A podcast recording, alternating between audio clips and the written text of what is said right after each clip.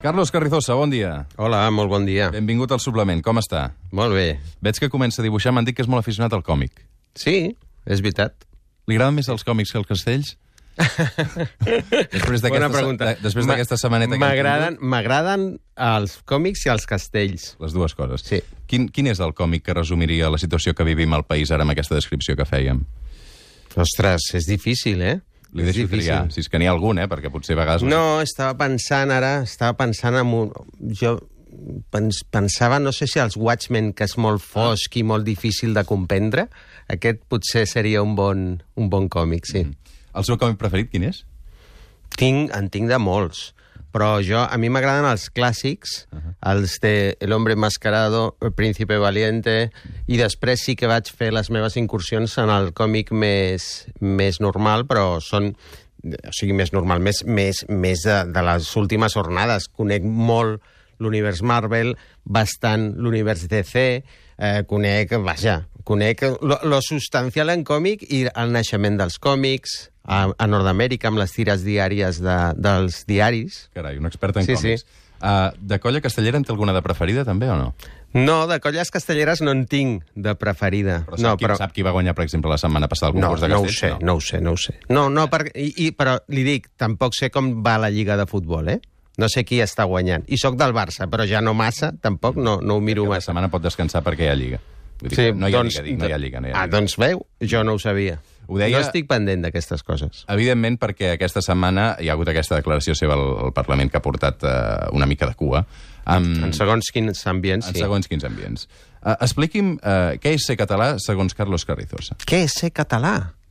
Ostres, quina pregunta que em fa vostè aquí a Catalunya Ràdio. Què és ser català? Doncs sí. el que som els 7, mi- 7 milions de persones, cadascú a la seva forma. Jo no li diré a vostè la forma de ser català i, i la veritat és que em, em, jo trobo eh, fastidiós que algú en pretengui donar una forma de ser català. Ser català és com ser de qualsevol altre lloc del món si vius amb la teva família i amb les teves coses i amb la teva cultura i amb... no sé. Jordi Pujol deia que era català qui vivia i qui treballava a Catalunya. Sí. Està d'acord amb Jordi Pujol? Bueno, ell donava una definició que, que tenia les seves intencions nacionalistes i, i, bueno, i aquesta definició podria ser millor que d'altres, no sé, perquè, clar... Per una vegada està d'acord amb Jordi Pujol, també té gràcia. Bueno, no, dic que aquesta seria una possible de definició vàlida, però que jo trobo més interessant quina és la definició de català que té el president Torra de la Generalitat, perquè, clar, quan ell diu que aquell que parla castellà o castellà a, a Catalunya, que això no és natural, o quan ell diu que són com bèsties eh, tarades, doncs mm, això, això a mi em sembla una concepció de, del català contra la que a Ciutadans lluitem, perquè nosaltres tenim una concepció molt més inclusiva i molt més... Eh, escolti, català és com vulgui ser qualsevol català.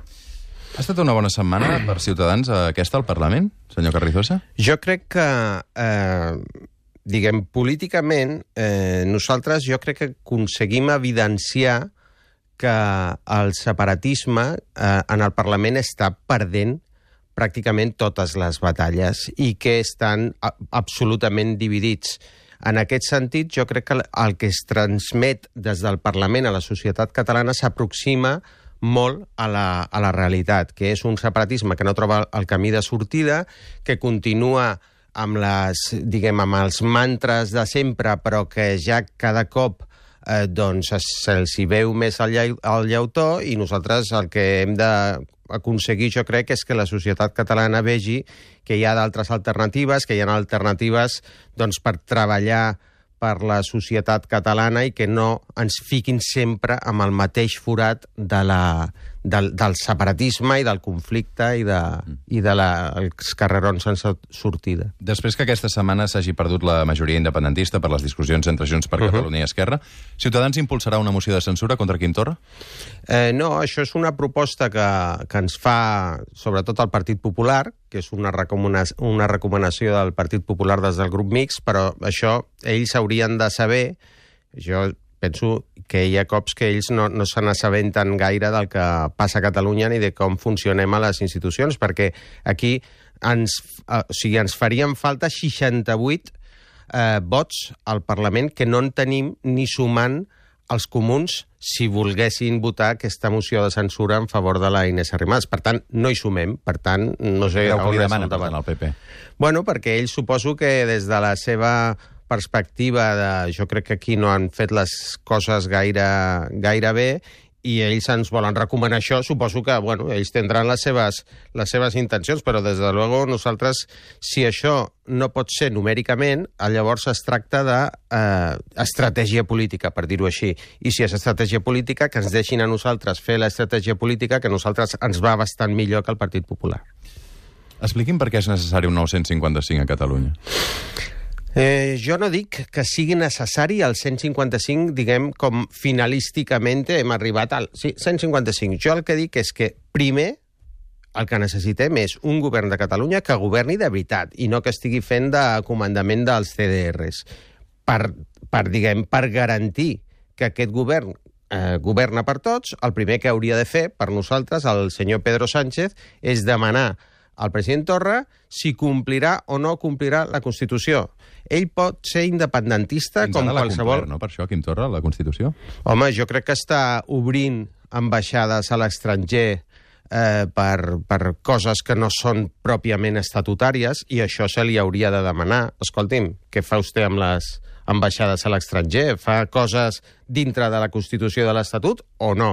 O sigui, I aquest és només un exemple, però jo crec que per això amb, amb un senyor que està dient que ell mm, vol la revolta després de la sentència i que no acatarà la sentència, doncs potser valdria la pena dir-li al senyor Torra, escolti'm, senyor Torra, vostè complirà amb la Constitució i amb l'Estatut i és amb les amenaça, sentències? només. Una amenaça, si, si, si es pot interpretar d'aquesta manera. Sí, però miri, clar, saps què passa? Que si, si continuem amb un president que ja està anunciant les coses que farà i, tot, i tothom pensa no, no ho farà, no ho farà. Així van començar amb el Puigdemont i al final va declarar la independència i van fugir 4.500 4.500 empreses de Catalunya. Doncs jo crec que abans d'empobrir-nos més, abans de tenir més crispació, abans d'arribar a més divisió social, potser que li diguem al senyor Torra, però senyor Torra, és que és una pregunta molt senzilla. Jo crec que no, no sé què passa per preguntar. Si se li pregunta i ell diu que sí, oye, continuamos, adelante. Ara, si ell diu no, llavors s'haurà de pensar què fem, no? Quan vostès parlen de fractura social, a què es refereixen exactament? Doncs em referim a tota aquella eh, plura, pluralitat de conflictes que es manifesten en la societat eh, per culpa d'aquesta crispació que ha introduït el separatisme. Posa'm per exemple, exemple, sí. per exemple, jo, per mi, divisió social és eh, comença per les famílies o pels amics o a les feines quan hi ha un, un d'aquest tema no en parlem perquè ens barallem i es barallen. O sigui, hi ha amistats trencades. Jo no sé si... O sigui, eh, Però ahir això mateix... és ideològic, no? Vull dir, una Bueno, però, dins no, però, poden no, però, diferent, però, no? però no, no és normal que es trenquin les amistats per qüestions polítiques. I aquí a Catalunya què passa? Que estem normalitzant que es trenquin les amistats? Perquè, per qüestions polítiques? O Vostè estem coneix moltes normalitzant... famílies que s'hagin dividit per la qüestió catalana? Clar que sí, clar que sí.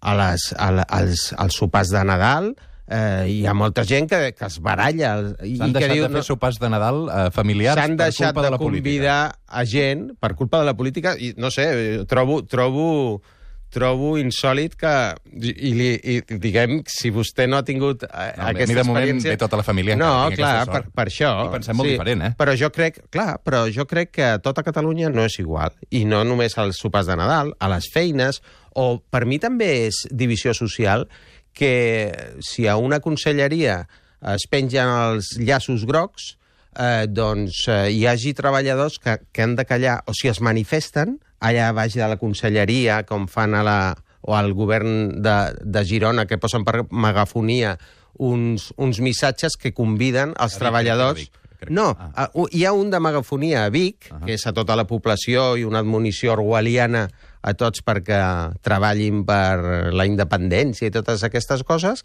i després hi ha el govern, el, el govern de la Generalitat, a la delegació del govern de la Generalitat a Girona, que convida els treballadors a baixar a les 12 cada divendres a manifestar-se contra els presos polítics, no sé què, no sé quants. A, a mi em sembla que el treballador que no estigui d'acord amb això, doncs queda assenyalat a la seva feina si es queda a la seva taula i que amb uns caps que conviden a baixar a fer aquesta manifestació, si no ho fa, es pot eh, considerar que les seves expectatives professionals estan marmant. Per tant, això també és divisió social. Digui'm si fractura més la societat eh, posar llaços grocs o treure'ls.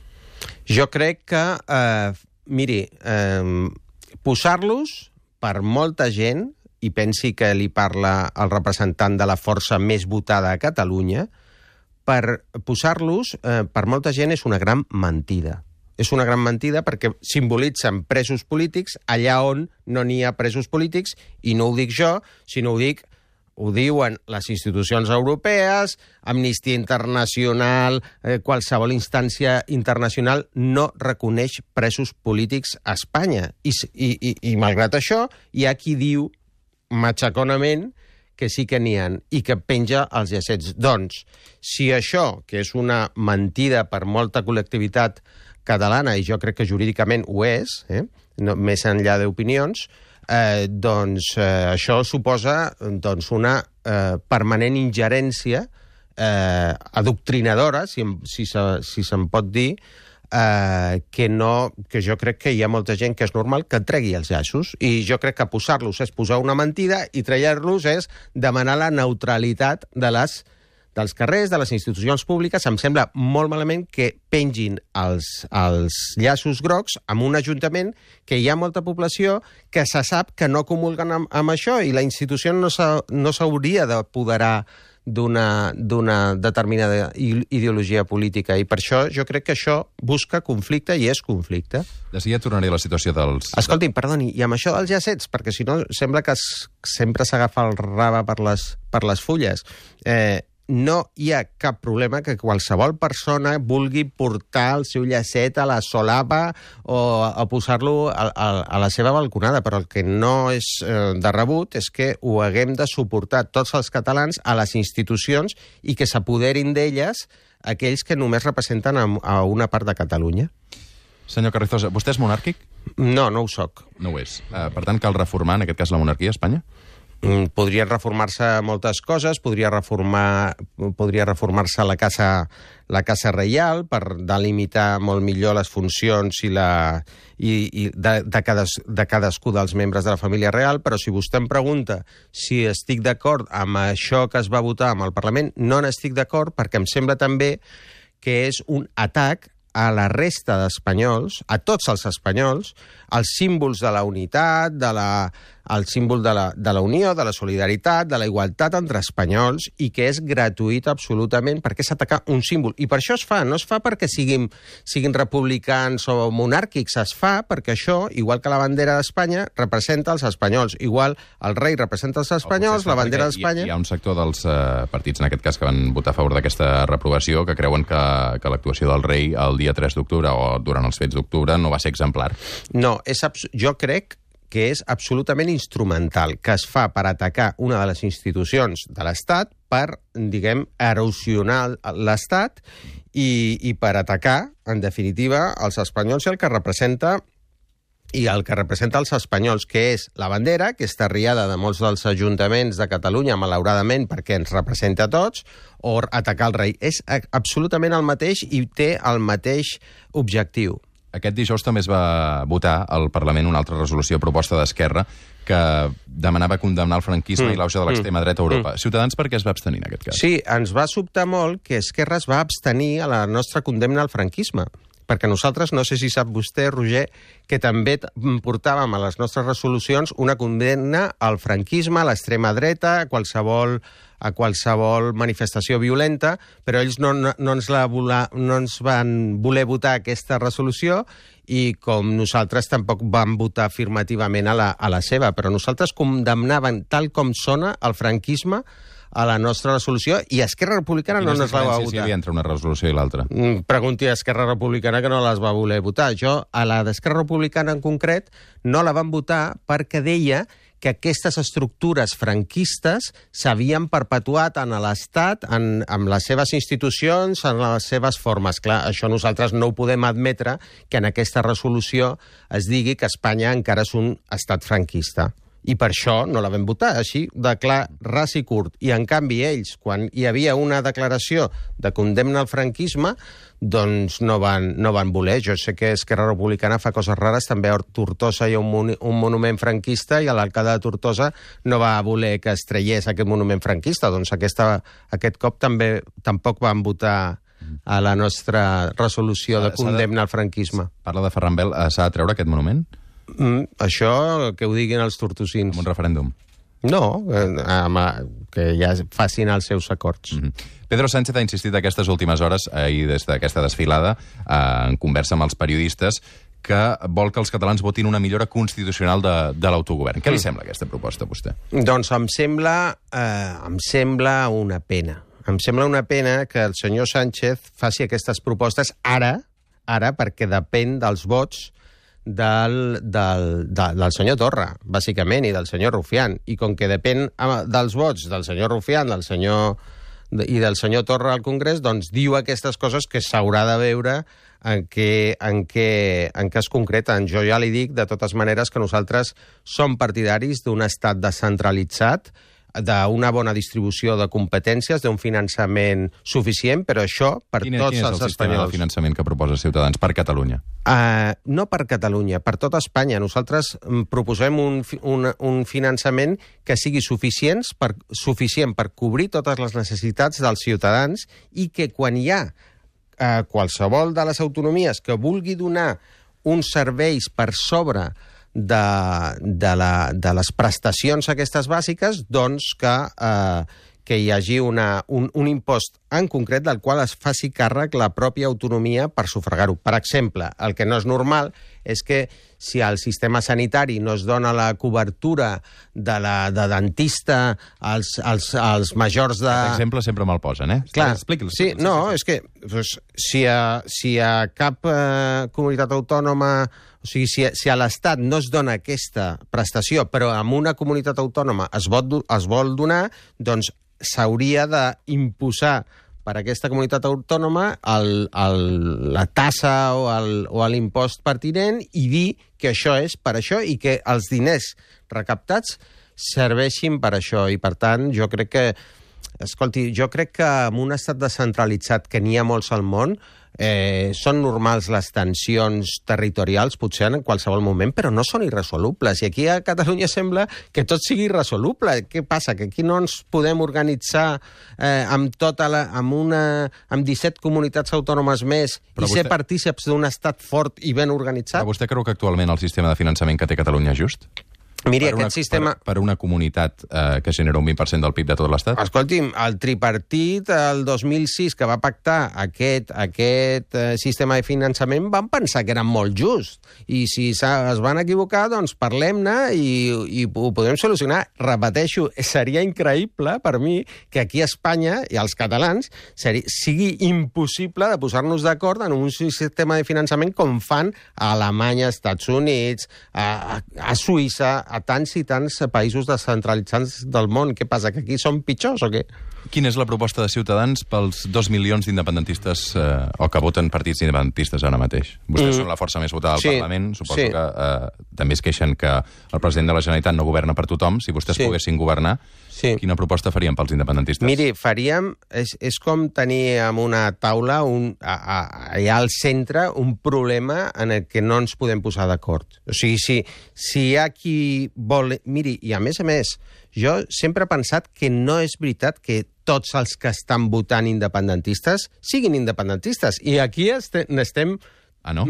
No, vostè volen, no ha sentit... Volen la independència. Miri, miri, vostè no ha sentit, però desenes de cops jo no sóc independentista però he votat independentista, jo no sóc independentista però en aquest eh, referèndum he votat que sí perquè Rajoy, perquè no sé què, perquè no sé quants. O sigui, a Catalunya jo crec que ni tan sols qui tots els que ara per ara estan votant Esquerra Republicana i Junts per Catalunya, i a més a més que ho diuen les enquestes, eh, jo crec que ni tan sols tots aquests que, que estan votant són independentistes. El que volen és el que ells entenen com un tracte just, com una... O sigui... Molt bé, doncs digui'm quina és aquesta oferta que té Ciutadans per aquesta gent. Vale, doncs miri, jo l'oferta que faig com a Ciutadans és no parlem d'allò que no ens posarem d'acord i parlem d'això, primer, de les coses en què ens posaríem d'acord. I, per exemple, doncs, eh, estem o no d'acord a que, a que, eh, en que aquí a Catalunya eh, les classes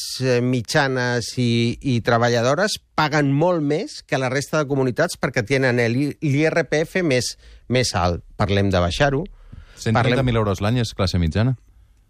130.000 anys, eh, euros l'any, no. No, no és classe mitjana. Classe alta, entenc, eh? Sí, i aquí les classes altes, no, sap, no sé si sap, que paguen per, per sota de la mitjana nacional. O sigui que aquí en tenim les classes altes que paguen menys i les classes eh, mitjanes i treballadores que són els que més paguen. Doncs d'impostos, per exemple, segur que ens podem posar d'acord. Sí, però el, debat terri el debat territorial continua allà i no, no, està però el resolt, debat això. territorial, sí, bueno, però això ja és, diguem, no és corre, corre, que ara que tenim pressa, no? Això és, diguem, el, diguem, és la postura pròpiament independentista que pensava que havia arribat el moment, que després s'ha vist que no, que no eren capaços de fer-ho, que han estat mentint a tothom, que han decepcionat al, a, a tots els, a tots els eh, constitucionalistes, però també han decepcionat a bona part de l'independentisme. Sí, però van I, tornar clar, a guanyar les eleccions del 21 de desembre. Qui va- Sumant, qui va? sumant. No, Perdó? van guanyar vostès, amb 36 Sí, sí, diputats, sí. però van aconseguir la majoria per continuar governant el 21 de desembre. Sí, i també és veritat que tenim una llei que fa que els vots dels ciutadans de Barcelona valguin dos, eh, dos vegades i mitja menys que els vots d'altres zones de Catalunya i Aquesta que és això... llei espanyola, eh? Vull dir que... Sí, però que no han volgut canviar aquí, curiosament. O sigui, aquí canviem totes les lleis, però aquesta electoral que afavoreix els interessos de l'independentisme o del nacionalisme, aquesta no l'han canviada. I, I per això estem com estem, bàsicament.